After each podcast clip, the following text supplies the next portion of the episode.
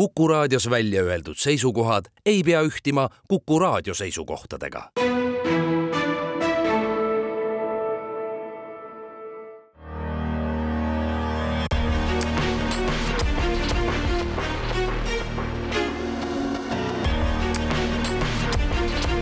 välismääraja.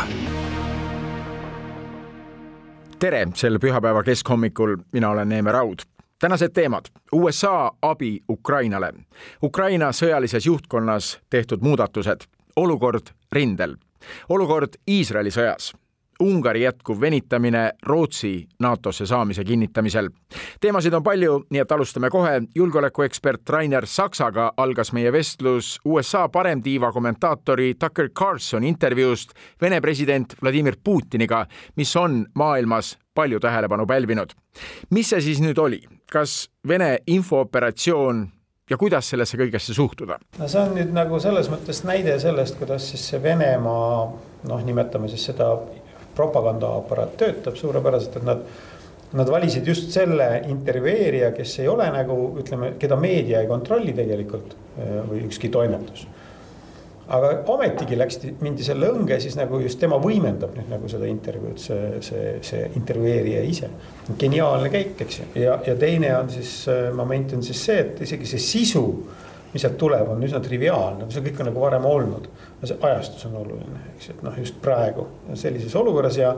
ja kuna Venemaa president on olnud nihukeses nagu teatavas isolatsioonis, ta ju nagu otse läänemeediaga pole pikka aega suhelnud. see oligi esimene intervjuu alates sõja algusest. nüüd ongi minu küsimus, kas oli siis nagu meediaga suhtlemine või? ei olnud, meedia ostis selle ära, et see näitab läänemeedia nõrkust tegelikult, et seda võeti nagu kriitikavabalt ja võetakse nagu sisse ja, ja ma ei tea, kuidas Trakel, Traker Carlson seda nagu käsitleb, kas ta, kas ta teenib sellega raha või mitte, see pole antud juhul oluline. aga noh ähm,, ometigi tema renomee oli väga halb ennem seda jah, Tucker Carlsonit peetakse väga pragmaatiliseks meediategelaseks, kes teab täpselt, kus ja mille arvelt kasu lõigata, aga see jõudis momentaalselt kohe kõigisse suurväljaannetesse, esilehtedele, analüüsiti, mida Putin siis rääkis, et sõnum jõudis kohale. no just nimelt ja see ongi tegelikult selle Vene poole eesmärk ja sellele ei järgne ju mitte ühtegi tasakaalustavat elementi. See niimoodi lendabki ja noh, väga hästi tehtud, kuigi ma ütlen veelkord, intervjuu ise oli minu arust väga nõrk nõrgalt läbi viidud, esitatud ja, ja seal ei ole mitte mingisugust nagu sellist noh, ütleme. sõnumit, millest oleks võimalik nagu üldse nagu kuidagi kinni hakata, öelda, et siin on nüüd mingisugune uudne moment või element, absoluutselt ei ole. Putin pidas oma pika loengu esimesed pool tundi ja siis meie jaoks oli see oluline moment, et ei, me ei kavatse rünnata Lätit ega Poolat ega ühtegi naaberriiki. me kuulsime samu sõnu enne Ukraina sõda. ja, aga antud kontekstis ütleks, et äh, noh, ta ei saanud midagi teistmoodi ka öelda, punkt üks ja punkt kaks, ega nad ju tõepoolest ei valmista praegu kuhugi mujale seda rünnakut korraldama, et noh, selles mõttes tal on väga lihtne seda öelda, sest. mida, mida Venemaa nagu ju, ta alati ju Venemaa üritab äh, tekitada nagu sellise dihhotoomia, et, et ühtepidi nagu hirmutatakse, teistpidi nagu naeruvääristatakse seda hirmu, mis siis nagu nendel, keda hirmutatakse, on ja, ja nüüd, äh, et kui Euroopas räägitakse, et Venemaa üritab mujal ründama hakata, siis no see ühtepidi nagu Putinile väga sobib ja tema juhtidele sellepärast, et see on heidutus Venemaa suunal, eks ju, see, see, see võimendab seda Venemaa hirmu, heidutust Venemaa suunal. Venemaal ei ole praegu vägesid NATO vastu mitte kusagil, tegelikult kui noh, piltlikult öeldes ma ei soovita seda teha, aga kui NATO ründaks, oleks Venemaa väga suures hädas. aga äh, teistpidi nad ei soovi ka seda, et, et lääs nagu reageeriks liiga tõsiselt ja, ja hakkaks nagu peale mingid uued relvastusprogrammid ja midagi taolist, et noh, see ka ei sobi. et siis üritatakse tekitada niisugust küüma, kuuma ja külma, et oleks nagu niisugune segadus seal lääne pool, see on pigem nagu see eesmärk. Heaks näiteks on see muidugi infosõjast, mis toimub, me räägime seda juttu inimõiguste konverentsi siin. Kõrvaltoas, konverents jätkub praegu. Ja esimene paneel oligi sellest, kuidas desinformatsioon levib. Hea näide sellest. nojah, eks desinformatsioon saab levida ainult siis, kui see, kellele see on suunatud, on nõus seda vastu võtma mm.. et lugemine ei ole ju iseenesest halb, aga kui sa ei suuda nagu sellest äh, teha järeldusi ja neid ka välja öelda, siis nagu seda, see tuleb uuesti, uuesti ja. ja ma ei tea, lõpuks kuskil alateadvuses või kinnistub, ma ei oska selle kohta öelda, aga. Äh, ma ei ole psühholoog, aga psühholoogid ju väidavad, et reklaam niimoodi toimib, eks no siis see toimib sama põhimõtte alusel nagu reklaam võib-olla. Nii et noh, ma, ma ise nagu julgen arvata, et see mm, Vene desinformatsioonikampaania on tõesti nüüd muutunud viimase poole aasta jooksul eriti tõhusaks ja no Putini sõja alguses, eks ju, kui Putin oli nagu põhjustanud suure üllatuse ka oma riigiaparaadile, siis see süsteem nagu jooksis kokku Nad olid niisuguses šokis, nad ei osanud mitte kuidagi ennast käima tõmmata, ega see süsteem ei toimu niimoodi. et neile antakse iga päev korraldus, mida teha, vaid eks ta on nagu mingi, mingid eesmärgid, nad teavad, mis on need piirid, kus nad peavad opereerima, neil on tegelikult nagu teatud ulatuses vabadus, eks ju, siis on nagu see, mis toimub Kremlis, mis on siis nii-öelda niisugune see, see kõrgpilotaaž nagu need, kui need suured intervjuud ja nii edasi. aga, aga kogu see suur aparaat ikkagi toimib niimoodi, et ta juhib ennast ise sinna suunda, kuhu, kuhu Kremlis soovitakse ja see on fenomenaalne saavutus ja, ja see oli nüüd nagu šokis ja see ei toiminud ja, ja siis tuli veel see Prigožini mäss, mis murdis nagu, nagu kogu selle sisemise süsteemi pani väga tugeva pingale, sellest on nüüd üle saadud. ja nüüd kerib see kõik jälle uuesti tuure, nii et äh, jah, see on nagu selge väljend, väljendus nagu see, see intervjuu. Sellest kõigest võiks mööda vaadata, aga Euroopa Liidus tuli see juba kõneaineks Brüsselis, Euroopas on digitaalteenuste akt, mis määrab, et firmad nagu endine Twitter, nüüdne X, Elon Musk'i firma, peavad märgistama konkreetselt informatsiooni, et see on siin valeinformatsioon, kui nad edastavad sellist Putini infot, mis ei vasta tõele, mida saab kontrollida, et see ei vasta tõele. nüüd ongi huvitav, mida siis Euroopa Liit edasi teeb, kas, kas siis võetakse sanktsioone ette või, või kuidas see digitaalteenuste akt siis toimib? seda me näeme praktikas ja ma niisuguse noh, väga tõsisesse administreerimisse liiga palju ei usu, aga hea, et seda ikkagi proovitakse vähemalt teha, et see on näha, kas on mingisugune meede jälle, kas ta, kas ta õnnestub või ei õnnestu, aga ma arvan, et lääneriigid nagu laiemalt, kui me räägime demokraatlikest ja avatud ühiskondadest, need peavad tingimata lääne läänes olema. et nad on nagu niisuguses väga-väga halvas nagu olukorras ja teatud lõksus, et. et ühtepidi on neil vastas nagu riiklikult koordineeritud nagu selline hästi tugev, väga noh, niimoodi palju inimtööjõudu ja ka tegelikult teadust ja igasuguseid niisuguseid elemente kaasav süsteem, mis sihikindlalt ründab siis nagu seda ühiskonnakorraldust ja mitte ainult neid valitsusi, vaid tervet ühiskonda ja nüüd nagu sul on endal selles ühiskonnas siis teatud nagu arvamusvabadus, eks ju, vaba meedia ja, ja ükski niisugune endast lugupidav lääneriik ei ole siiamaale ühtegi niisugust tugevat nagu süsteemi vastu üles ehitanud, sest see tundub nagu selle demokraatia kõigega mitte hästi kokku minev. ja vot nagu selle probleemi ületamine on nagu paras väljakutse, et, et sul on ju tegelikult näha ka, et, et seda sõnumit mida Venemaa toodab, et see on väga mitmekihiline, aga seal on nagu võimendanud sinu enda ühiskonnas sees nagu alates ülikoolidest ja lõpetades mingite veidrate kogukondadega, eks ju, mis ükskõik, kas nad on vasakul ääres, paremal äärel või keskel, aga. aga noh, see selles mõttes ongi see süsteem on geniaalne Venemaal, et ta, ta pakub nagu erinevatele segmentidele mingeid erinevaid elemente, millest saab nagu kinni võtta see on tegelikult niisugune tõsine väljakutse, et kuidas sellega nagu toime tulla, et seda noh, ainult nagu sildistades valeinfot nagu sellest jääb väheks. et kõik ei ole valeinfo, mida, mida niimoodi sokutatakse. aga meie siin Eestis kas peaksime ignoreerima tegelikult seda intervjuud, ikkagi tahaks ju teada, mida siis Putin ütles, esimene intervjuu. jah, ei, ma saan aru, et, et ühtepidi oleks mõistlik seda ignoreerida, sest siis selle mõju oleks nagu kõige väiksem ja järgmine, järgmine käik võib-olla oleks nagu ebatõhusam, mida Venemaa teeb, aga no seda ka ei ole võimalik teha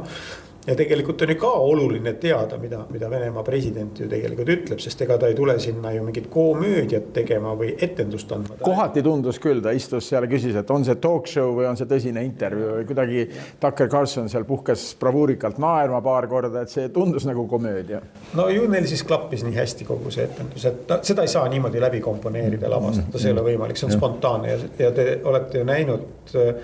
Need Putini suuri intervjuusid, mis ta annab, eks ju, seal ei ole ju tal kõik küsimused ette teada, ikkagi see on see tema tugevus, et ta suudab niimoodi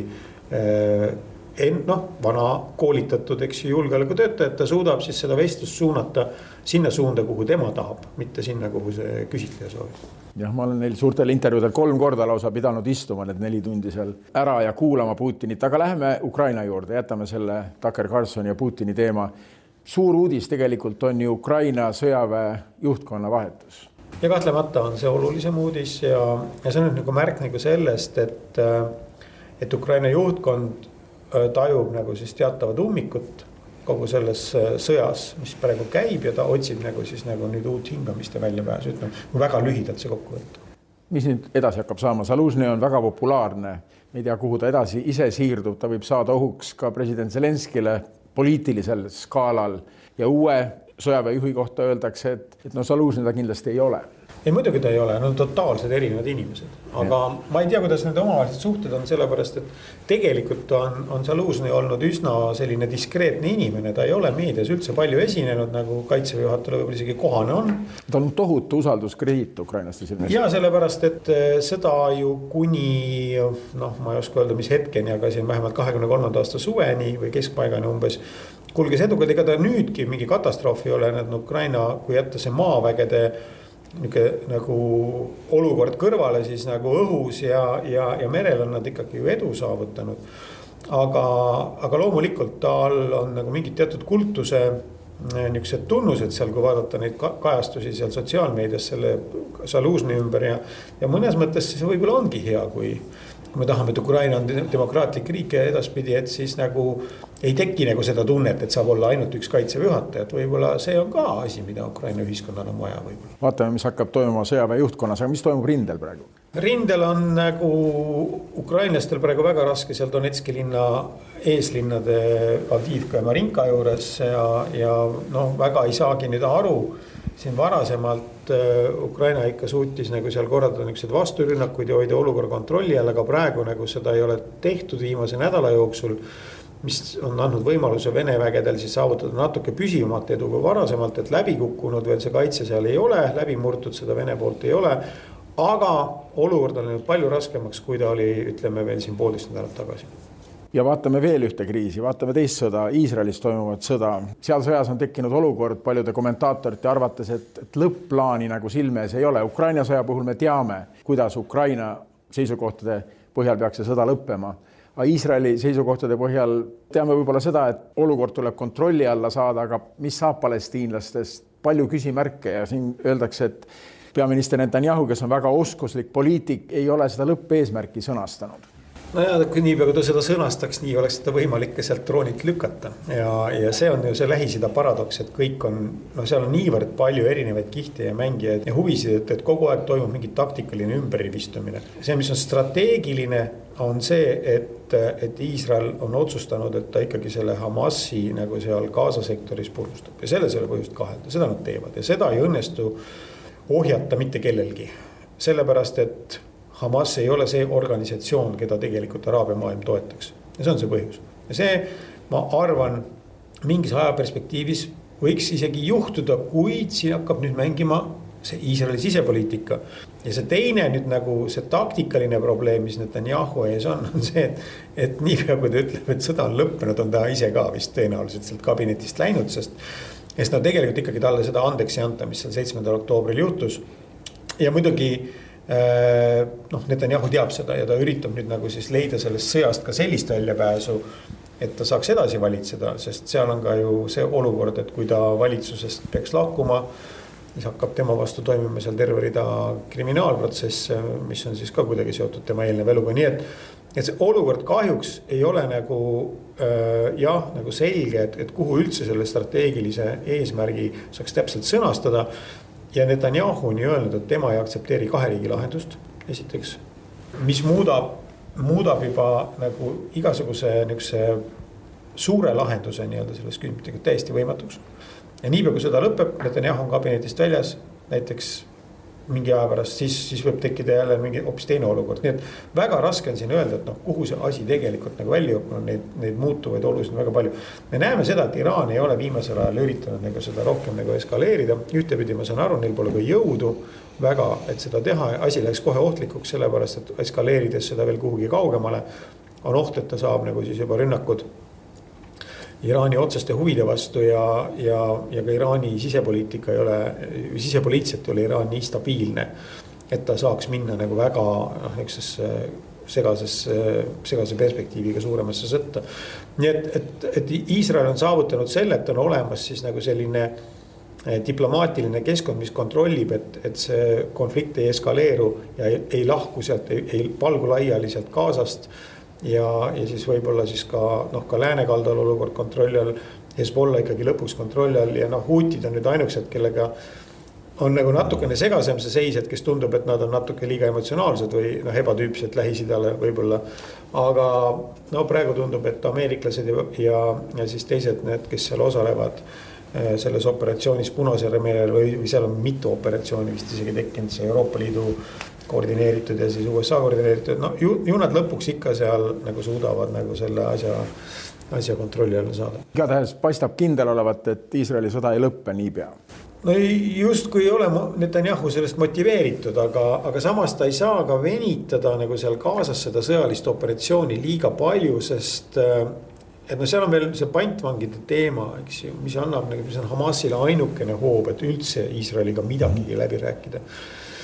Ja Hamas niipea, kui ta kaotab, annab käest ära pantvangid, nii on ta ise sisuliselt oma surmaotsusele alla kirjutanud ja sur-, noh, surmaotsuse ta kirjutas alla siis, kui ta ründas, ta ei saanud sellest aru seitsmendal oktoobril ja, ja lõpuks nad hävitatakse, ma usun, et seal Gaza sektoris, et väljaspool Gazat tõenäoliselt mitte ei ole see võimalik, aga. Et äh, ma ei oska jah, tõesti nagu öelda, et kus kohas oleks nagu see moment, et siin võib taktikaliselt ette kujutada, et nüüd Iisrael peaks kohe-kohe alustama või on juba alustanud seda operatsiooni. et see rahvalinn, mis on seal piiril, eks ju. Egiptusega Gaza sektoris, et võtta see piir kontrolli alla. ja kui nad seda saavutavad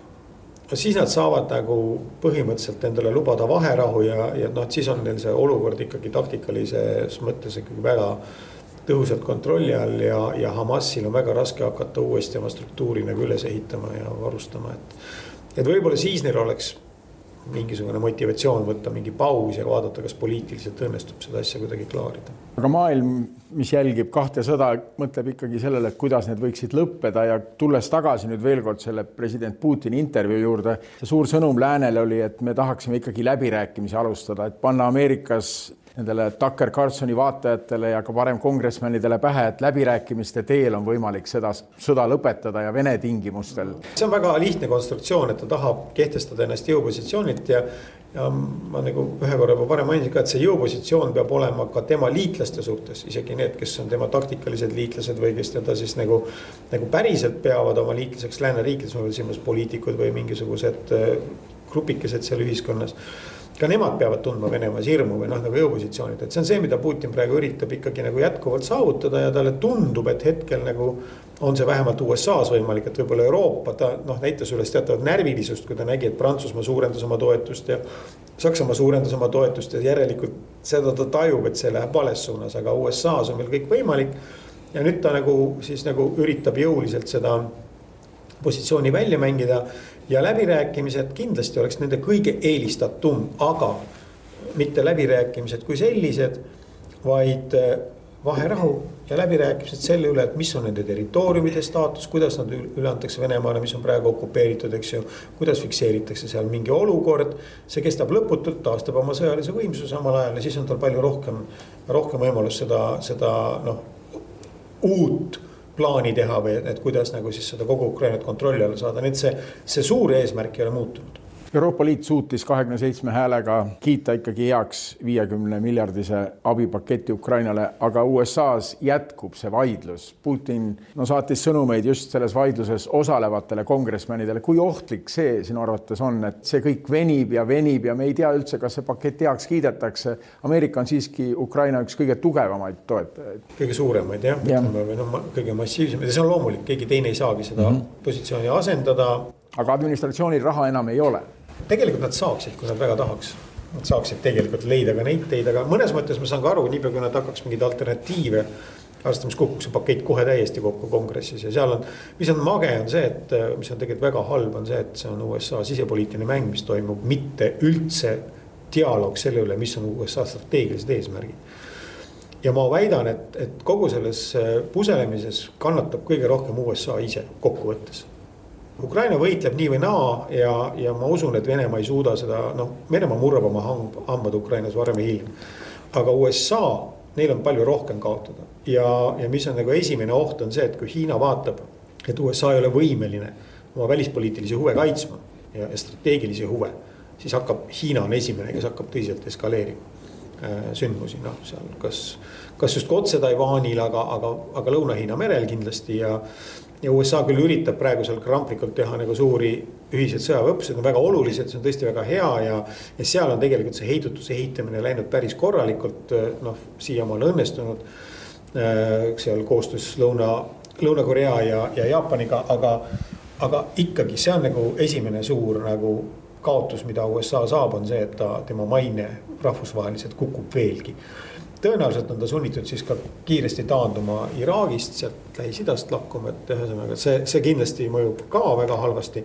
Ukrainale see kindlasti mõjub erakordselt halvasti, aga ma usun, et see ei murraks päris Ukrainat, aga, aga see suurendab mõttetute kaotuste hulka, pikendab seda sõda kindlasti.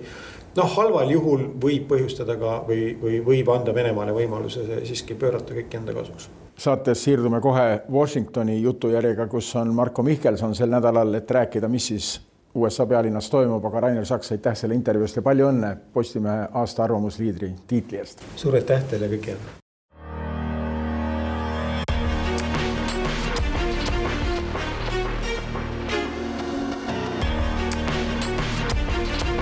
välismääraja välismääraja jätkab ja telefonil Washingtonist on Riigikogu väliskomisjoni juht Marko Mihkelson, tere päevast. tere päevast. millist vastukaja on saanud Tucker Carlsoni intervjuu Vladimir Putiniga USA pealinnas, Ameerika meedias laiemalt? No ma ütleks niiviisi, et eks see ongi väga vastandlikud sellised suhtumised, et esiteks loomulikult äh, propagandist Tucker Carlson on äh, saanud väga suurt tähelepanu üle maailma, mitte ainult Ameerika Ühendriikides. tema intervjuud äh, sõjakurjategija Putiniga on jälginud üle saja miljoni inimese ja vaieldamatult see on tekitanud siin, nagu ma ütlesin, vastakat lähenemist, ühest küljest paljud, kes Carsonit võtavad tõsiselt sellisel poliitiliselt paremäärmustiival, eks kindlasti jälgivad võib-olla veidi filtrivabamalt seda, mida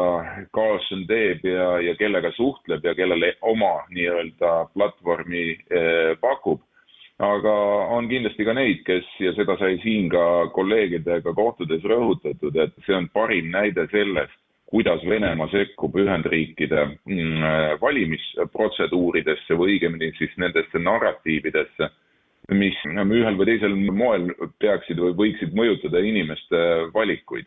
aga, aga no loomulikult mitte ainult Ühendriikides, sest eks intervjuu on pälvinud tähelepanu paljudes riikides maailmas. samas ei saa unustada, et Tucker Carlsoni vaatajate seas võib olla ja ongi palju just neid USA paremtiiva poliitikuid kongressist, Trumpi tiiva liikmeid kongressist, kellest sõltub Ukraina edasine abistamine. ja absoluutselt ja ka meie kohtumised siin Washingtonis no, nagu kinnitasid seda, et just nimelt selle MAGA ehk siis väga sellisel äh, Trumpi-meelsel äh, tiival olevad poliitikud haaravad kinni igasugusest sellisest äh, infokillust, vandenõuteooria mingisugusest episoodist. Ja, ja toovad põhjuseks, miks nä, näiteks nendel on keeruline või peaaegu võimatu Ukrainat toetada, et toon lihtsalt ühe näite, et kohtumisel Floridast siis valitud kongressi liikme Anna-Pauliina Lunaga rääkis ta seda, et jah, et alguses ma olin Ukraina suur toetaja, aga kui ma käisin Poolas ja kohtusin äh, Ukraina parlamendisaadikutega, kes rääkisid mulle, et pärast sõda hakkavad nad looma Wagneri tüüpi relvaüksusi, siis äh, minu nii-öelda äh, hoiak Ukraina suhtes muutus. noh, tegelikult loomulikult midagi sellist ju Ukraina pool pole äh, rääkinud või ka planeerimas, pigem jutt oli meie Kaitseliidu äh, sarnase äh, siis vabatahtliku organisatsiooni loomisest, aga jällegi, see näitab seda, et igasugune selline infokild, mida, mida on väänatud, sageli ette söödetud ka sellise kas Venemaa või, või Venemaa-meelsete jõudude poolt, äh, no eks see aitab kaasa siis selle polarisatsiooni äh, süvenemisele Ühendriikides ja loomulikult ta mõjutab ka lõpptulemusena seda, milliseid valikuid äh, ameeriklased teevad novembris mis seisus on see Ukraina abipakett praegu siis? kohati on selle liikumist senati ja esindajate kohe vahel raske jälgida, kord räägitakse, et see on liidetud USA enda piiriteemade rahastamisele, siis jälle eraldatud. mis seisus see abi on? Ukrainal on seda hädasti vaja ja kohe praegu ja see on äh, loomulikult olnud siin üks põhiteema ka meie kohtumistel äh, nii senatis kui äh, esindajate kojas ja ma ütleks niiviisi, et mida läheb päev lähemale Ühendriikide presidendivalimistele ja, ja teisest küljest, mida ilmsem on see, et Donald Trump on siis vabariiklaste poolne presidendikandidaat, seda vähem indu on siis ka vabariiklikul poolel ennekõike teha midagi, mis annaks plusspunkte praegusele presidendile Joe Bidenile. Ja seetõttu noh, on välistatud, et see abipakett jõuaks heakskiiduna, kui see peaks olema seotud siis piiritemaatika, immigratsiooni küsimustega, sest kogu Ühendriikide sisepoliitika või lähenevate valimiste peateemaks ikkagi on olukord lõunapiiril, immigratsiooni teemad ja, ja noh, seetõttu on hea, et nüüd just nendel päevadel, siin paar päeva tagasi siiski senatis tehti äh, otsus, et seotakse lahti piiriteemad äh, abipaketist, äh, mida siis peaks saama lisaks Ukrainale ka Iisrael ja Taiwan. Ja tegelikult siin need hääletused, mis senatis pärast seda on toimunud, näitavad, et tegelikult on ikkagi äh, kuuskümmend seitse senaatorit, nende hulgas siis mitte ainult demokraadid, vaid ka pooled vabariiklastest umbes hääletasid selle abipaketi poolt, et on lootus, et lõpuks jõutakse sellega ka nii kaugele, et reaalselt see abi äh, on heaks kiidetud ja kuuskümmend üks miljardit selleks aastaks Ukraina saab, aga siis ikkagi tekib väga suur küsimus, vähemalt meie kohtumisel kohtumistel just nimelt selliselt väga Trumpi-meelsete äh, esindajatekoja liikmetega ja ka sena-, senatis äh, nendega, kes on väga, väga Trumpi poole kaldu, siis sealt ikkagi kostus ka seda, et see võib olla ka viimane abipakett Ukrainale, sest Trump tuleb ja teeb rahu senatis on sada liiget, esindajate kojas oluliselt rohkem liikmeid ja kui see pakett nüüd senatist tagasi esindajate kotta läheb, siis seal on seda maga Make America Great Again Trumpi-meelset elementi ju, neid saadikuid ju rohkem ja neid on rohkem ja mis on muidugi halb, et äh, tegelikult äh, eriti just vabariiklaste poolelt on Ukraina suunaline skepsis on kasvanud äh, äh, siin eriti viimase aasta jooksul. Kohtusime ka, ka selliste saadikutega, et eks me peaeesmärk oligi kohtuda just äh, Äh, nende kongressi liikmetega, kes on äh, Ukraina suunal kas skeptilised või lausa abi suhtes eitavad ja ja ega mõne, mõne inimese meelt ongi väga keeruline muuta, aga, aga eks äh, mängus on ikkagi praegu hetkel ka väga oluline noh, element, sisevalimised, nii kongressi liikmete tagasivalimine kui ka siis loomulikult presidendivalimised on need, millele siin tähelepanu põhiliselt keskendub. Ja eks äh, noh, ei ole, ei ole imekspandav, et selles situatsioonis siis äh, Washingtonis praegu on väga paljud erinevate Euroopa riikide delegatsioonid, kaasa arvatud ka näiteks praegu hetkel siin Saksamaa liidukantsler Scholz ja eks kõigi eesmärk on ikkagi seda liidusuhet ennekõike Ameerika Ühendriikidega hoida ja tugevdada ja, ja teisest küljest loomulikult teha kõik, et abipakett Ukrainale mida nii väga praegu rindel oodatakse, võimalikult kiiresti siis realiseerub. kas olete kohtunud ka administratsiooni esindajatega? ja Välisministeeriumi esindajatega kohtusime ja, ja, ja noh, eks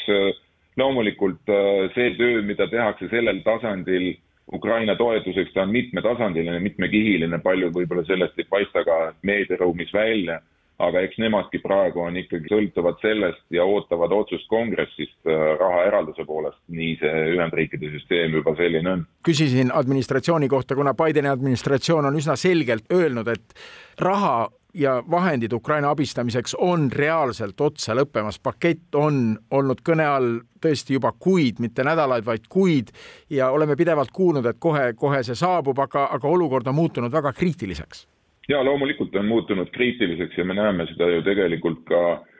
uudistest, mis tulevad Ukraina rindelt, et äh, Ukrainal on praegu väga suur äh, puudus ennekõike laskemoona osas, aga ka relvastuse osas. Ja, ja see abi, äh, kuuskümmend üks miljardit, millest üle neljakümne miljardi puhtalt läheks siis sõjalise abi osas siis Ukrainale, et seda on praegu väga-väga hädasti vaja, et Ukraina suudaks oma rinnet hoida ühest küljest ikkagi valmistuda uuteks võimalikeks äh, siis vastupealetungideks. et selge on see, et, et siin Ühendriikides muidugi levib ka selline jällegi valearvamus, et äh, ainult Ameerika Ühendriikide abi on praegu, mis Ukrainasse liigub, et jällegi need skeptikud räägivad äh, sageli seda, et Euroopa ei panusta, ei panusta piisavalt. Ja siis, kui me toome need numbrid, mida teeb nii Eesti kui teised, näiteks meil siis, me olime ju siin Põhjala ja Balti riikide kolleegidega, kelle noh, peaaegu kõik riigid on ikkagi panustanud üle ühe protsendi SKP-st puhtalt sõjalist abi Ukrainale viimase kahe aasta jooksul, siis Ühendriikide tase on ju null koma kolmkümmend protsenti ja, ja praegu siis sellised tõsised veel vaidlused, kas umbes üldse seda abi anda või mitte. Eks ja, ja veel muidugi, mis ikkagi varasemast, varasematest kokkupuudetest Ühendriikide kolleegide kongressi liikmetega väga eristuv on tänasel päeval see, et et ikkagi see Trumpi fenomen on nii tugevalt mõjutamas äh, ühe teise poliitiku äh, soovi avalikult äh, mingitel teemadel sõna võtta, eriti teemadel, kus kohas Trump on andnud signaali, et noh, kas on ta siis skeptiline või, või risti vastupidisel seisukohal kui näiteks mõni kongressmen, sest kõik nad kardavad ikkagi reaalselt äh, oma valijate ees põlu alla sattuda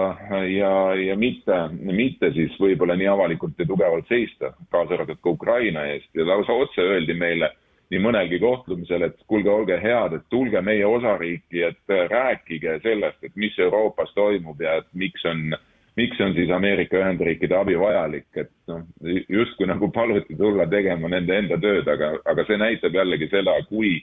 kui terav ja polariseerunud on siis sisepoliitiline olukord äh, Ühendriikides. sest Donald Trump saatis ju selge sõnumi just hiljuti, et Ukrainale ei ole abi vaja anda. jah, eks no jällegi, nagu ma varasemalt ka ütlesin, et selliseid äh, Äh, valeinformatsiooni, äh, vandenõuteooriaid, igasugust äh, müra on siin narratiivides sees ja eks seda aitavad sellised Tucker Carlsoni tüüpi propagandistid kenasti levitada, et ka siin kohtumisel ajakirjanikega, kui me rääkisime nii oma visiidist kui, kui ka nendest väljakutsetest, mis meil rahvusvaheliselt koos on, noh, ma tõstsin teema, et tegelikult minu arvates praegu ikkagi on äh, ka puhtalt Venemaa sekkumine Ühendriikide valimis äh, nii-öelda perioodi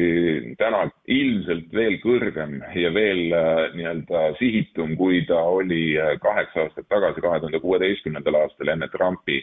valimist presidendiks, et mängus on ju väga kõrged panused, et kui tõesti loodetakse, arvatakse, et näiteks Donald Trumpi võit presidendivalimistel äh, võib tekitada olukorra, kus äh, võib-olla liitlasruumis, lääne liitlasruumis seda ühtsust jääb vähemaks, siis see kindlasti on vesi Venemaa veskile, kes, kes loodab selle abil saavutada võidu nii Ukrainas kui võimalik, et äh, valmistada väga tõsisemaks nii-öelda vastasseisuks kogu läänemaailmaga.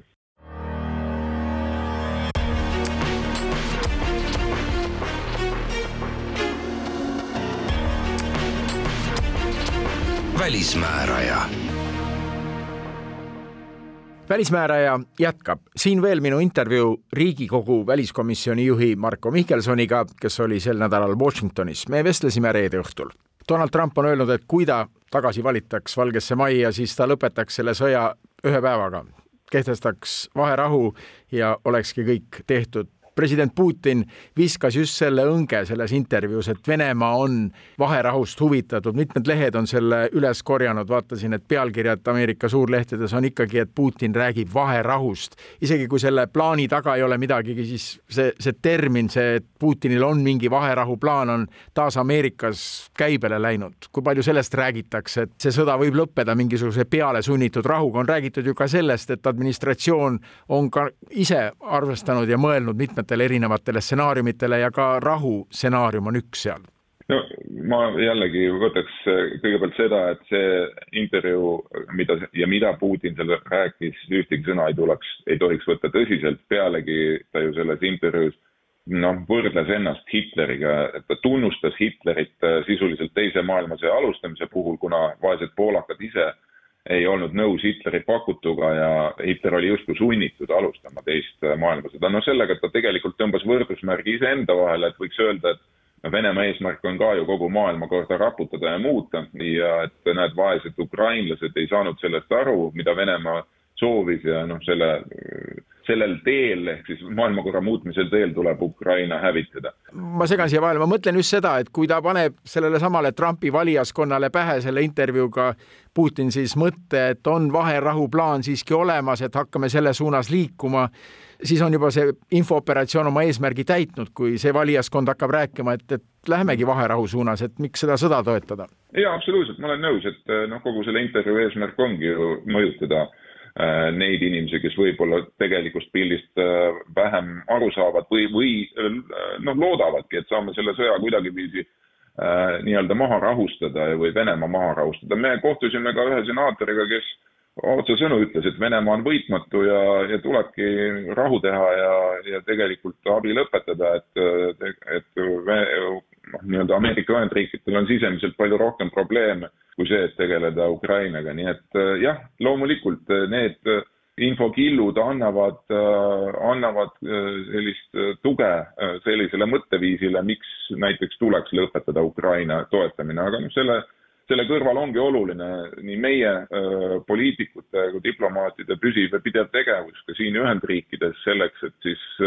sellisele valeinformatsioonile vastu seista ja, ja tegelikult rääkida, mis on, milline väljakutse on, et, et Ukraina sõda ei ole ju ainult üks, on ainult üks element sellest suurest maailma muutvast sõdade ahelast, mida Venemaa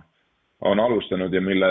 selle, noh, kelle selja taga on Hiina äh, ja, ja kui siin rääkida sellest, et Venemaa on tihedas koostöös Iraaniga, äh, ka Põhja-Koreaga, siis loomulikult hakkab natuke kuskilt koitma ka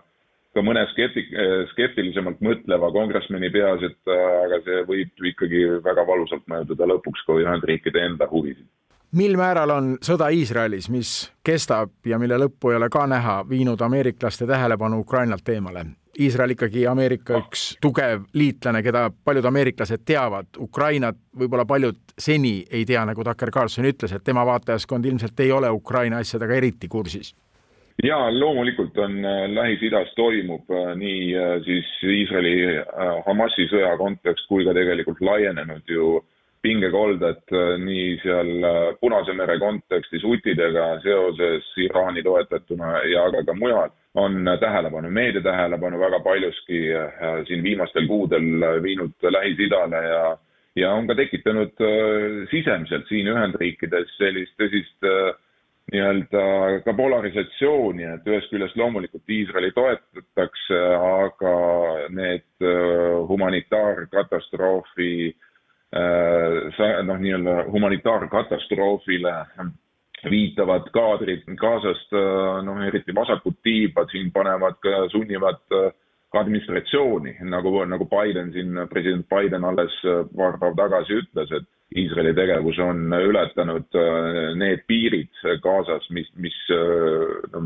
vähendaksid potentsiaalselt ka Ühendriikide toetust Iisraelile, kui see peaks niiviisi jätkuma, nii et see on kindlasti jällegi ka, kui laiemat pilti võttes, tõime selle ka siin kohtumistel välja, on äh, nii Venemaa, Iraani kui Hiina huvides, et äh, läänemaailm on oma tähelepanus lõhestunud, aga kindlasti Ukraina sõda ja Venemaa agressioon Ukraina vastu on väga üheselt ja vahetult seotud ka sellega, kuidas võiks potentsiaalselt edasi areneda siis äh, pingete kas kasv või leevenemine Lähis-Idas, et äh, rõhutasime, et kui Ühendriigid peaksid lõpetama abi andmise Ukrainale, siis äh, see ainult mitmekordistab tegelikult äh, Ühendriikidele lähtuva julgeolekuohu suurust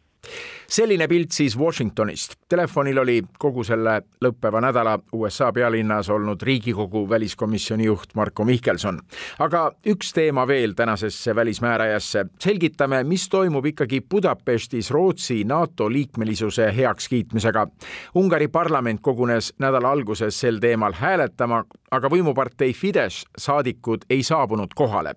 palusin olukorda selgitada Välisministeeriumi poliitika planeerimise osakonna peadirektoril Margus Kolgal, kes oli varem ka meie suursaadik Rootsis. seda, mis toimus äh, nüüd Ungari parlamendis, ei ole, ei maksa nüüd liialt üle hinnata, sest see oli tegelikult ikkagi sisepoliitiline mäng, mis tõukus suuresti Türgi otsusest, Türgi parlamendi pooldavast otsusest Rootsi NATO liikmeks kutsuda. Ungaril tekkis siis see olukord, et nad on viimased NATO liikmetest, kes ei ole Rootsile veel sellist, Rootsi kutsumiseks NATO-sse sellist otsust veel teinud. ja eks loomulikult siis opositsioon Ungaris kasutas selle momendi ära, lisaks oli seal taustal ka muidugi ameeriklaste surve ja kasutas ära olukorra, eh, ka parlamendi protseduurid, kutsus kokku eriistungi, aga üldiselt oli sellel hetkel noh, suhteliselt arvata, et eh, ega see veel villa ei kanna. mis ei tähenda muidugi seda, et nüüd õige pea parlament ikkagi kokku tuleb, see otsus ära, ära tehakse, seal on veel mõned agad, aga noh, need agad on pigem niisugused eh, mõneti otsitud ja, ja ma arvan, et, et et see olukord saab õige pea lahenduse. Ja Rootsi võib oma ratifitseerimis- või tähendab, Rootsi ratifitseerimiskirjad saavad kõik Washingtonis deponeeritud ja siis ka Rootsi on NATO liige aga ikkagi paljudel meist, kes ei ole välispoliitika kulisside tagustega nii kursis, jäi ikkagi imelik tunne, et eelmisel nädalal Viktor Orban näitas, et võib küll Euroopaga koos mängida ja nüüd ühe Euroopa Liidu liikme vastu, Rootsi vastu selline takerdumine, Fidesz oleks ju võinud kohale tulla ja kõik oleks võinud toimuda. mis seal siis nii rasket on, ikkagi tundub, et Orban tahab näidata Euroopale ja NATO-le kohta kätte? no eks see mõneti niisugune kirbutsirkusena välja paistab noh, kas nüüd Orban tahab kellelegi kohta näidata või tegelikult tahab omaenda riiki natukene suuremaks puhuda, no mine sa tea, mõlemad võivad olla tõesed, noh, eks see asi, mis seal praegusel hetkel vahel on, Orban on kutsunud Rootsi peaministri eh, Budapesti eh, külastama Ungarit ja siis ka sellel teemal rääkima, seda pole praegusel hetkel toimunud võib-olla nad mängivad äh, selle peale, võib-olla see ka toimub äh, nüüd enne veebruari viimaseid päevi, kui, äh, kui parlament pidi kokku tulema just selle istungi tarbeks, eks me näe nii et võimalusi on mitmeid, aga ma arvan, et ikkagi tegelikult on see aja küsimus, nagu see oli aja küsimus ka varem. lihtsalt mõned riigid mängisid oma enda huvisid välja ja soovisid siis natukene rohkem enda huvide raames kalastada. aga see protsess on praegusel hetkel lõppemas ja ma eeldan, et kõik tegelikult tahaksid, et Washingtoni tippkohtumisel oleks NATO-s nii Soome, kes juba on, kui ka Rootsi. et see saaga saaks siis nagu õnneliku lõpu. Türgi poolt sai Rootsi jah-hääle lõpuks kätte, väidetavalt tänu sellele, et Ameerika ütles lõpuks, et jah, müüme teile sõjalennukeid, mida Türgi väga soovis. no eks see võib muidugi niimoodi olla ja, ja eks rahvusvahelises diplomaatias ka sõprade vahel käivad eh, sellised väiksed nägelused ja, ja vastastikku siis sur-, surve, surve avaldamine. noh, suures pildis on oluline, oluline tegelikult, et need lõppsammud saavad tehtud ja NATO saab need liikmed juurde, kes on väärilised NATO liikmeks saama, kes on selleks ka oma, oma soovi avaldanud ja kindlasti saab NATO ka selles kõiges tugevamaks kas Ungari ehk ootab ka veel mingisuguseid samme Washingtoni poolt, mingisugust abi? Orban on mänginud siin ka Euroopa Liiduga ju rahalise abi teemadel ei, ei oska seda öelda, ma arvan, et, et seda aspekti võib-olla seal praegusel hetkel enam ei ole, sest sellest oleks juba, juba varasemalt räägitud, ega see, see türklaste hävitajate küsimus oli ju, ju varem noh, taustal teada ja kuulda. Ungarlastel minu meelest midagi sellist ei ole, aga noh, eks tahetakse, Ungari soovib nagu näidata Rootsile oma muresid selles kontekstis, et Rootsi on olnud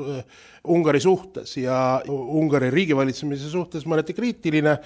ja, ja nüüd tahetakse nagu selles küsimuses omavahel kohtuda, asjad selgeks rääkida ja siis edasi minna. tundub, et Rootsi peaministri visiit Budapesti, no miks see võiks ju toimuda väga kiiresti, aga Rootsi pool ka ütleb, et ei, see viis, visiit ei tule nii kiiresti, nagu Ungari parlament nõuab. no eks see käib niisugune väike hõõrdumine praegusel hetkel, ega ma ei oska ka hin-, praegusel hetkel hinnata ja, ja ei taha ka väga ennustada, et kumb siis ennem toimub, kas Ungari parlamendi Rootsi sooviavalduse NATO-sse saamiseks ratifitseerimine või, või Rootsi peaministri visiit, ma arvan, et mõlemad lõpuks toimuvad, mis järjekorras, eks me näe sel nädalal on uudistes ka Rootsi kurdide kurtmine, et nende olukord on Rootsis läinud natuke raskemaks, et neid jälgitakse ja Rootsi võimud pööravad nende tegevusele suuremat tähelepanu kurdi kogukonnale Rootsis. et see on nüüd pärast seda, kui Türgilt tuli jah-otsus Rootsi NATO-sse saamisele, et nüüd Rootsi on Türgiga teinud mingisuguseid salaleppeid kurdide teemal, see oli sel nädalal üsna mitmes suures lehes. no ei tahaks uskuda, et mingisuguseid salaleppeid on te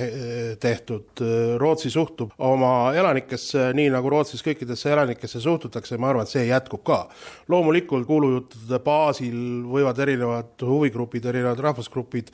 avaldada kartust, muret ja nii edasi, aga Rootsi demokraatia on nii tugev, et vaevalt, et seal mingisugust kardinaalset muudatust selles kontekstis toimuks Rootsi NATO-s veel ei ole, aga tegelikult Rootsi ju käitub sõjaliselt juba nagu NATO liige. vaadates siin viimaseid eriti mereväe õppusi ja, ja mereväe teemasid, see tundub olevat ja saavat Rootsi jaoks NATO-s väga oluliseks teemaks. Rootsi juba põhimõtteliselt nagu on NATO-s no eks ta, eks ta nii ole, ega rootslased ja soomlased investeerisid äh, oma NATO suhetesse ka juba enne seda, kui nad olid oma otsuse teinud, et nad tahaksid NATO liikmeks saada. üldse, kui partnerite ja NATO suhet nagu vaadelda ajaloolises perspektiivis, siis Rootsi ja Soome oma oli kõige tõsisem, kõige sisukam, e, isegi enne nende seda, ütleme, otsust liikmeks saada, öeldi ju, et nad tegelikult on peaaegu liikmed. noh, praegusel hetkel on see asi läinud muidugi palju sisukamaks ja, ja tõsisemaks, aga see ei ole nüüd ka mingisugune niisugune suur kardinaalne samm sõjandus- ja kaitse kontekstis. endise Eesti suursaadikuna Rootsis sa kindlasti jälgid Rootsi arenguid, kui palju nüüd kaitseteemadel on hakatud pärast Ukraina sõja algust tähelepanu pöörama, enam kui varem? Loomulikult on hakatud, aga, aga tegelikult hakati juba enne seda, kui nüüd Rootsi tegi selle otsuse, et tahaks NATO liikmeks saada. et seda ohtu tajuti varem, oma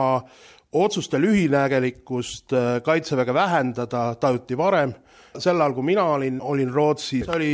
kaks-kolm aastat tagasi, siis juba räägiti vajadusest äh, kaitsekulusid tõsta, äh, vaieldi selle üle, kui kiire see protsess peaks olema, aga tegelikult äh, see ohutunnetus oli, oli kindlalt juba olemas ja, ja Kaitseväele ja, ja riigikaitsesse panustamise soov ja valmidus ka. Margus Kolga, Välisministeeriumi poliitika planeerimise osakonna peadirektor, rääkis. Välismääraja on tänaseks kuulatud, mina olen Neeme Raud, rahulikku pühapäeva.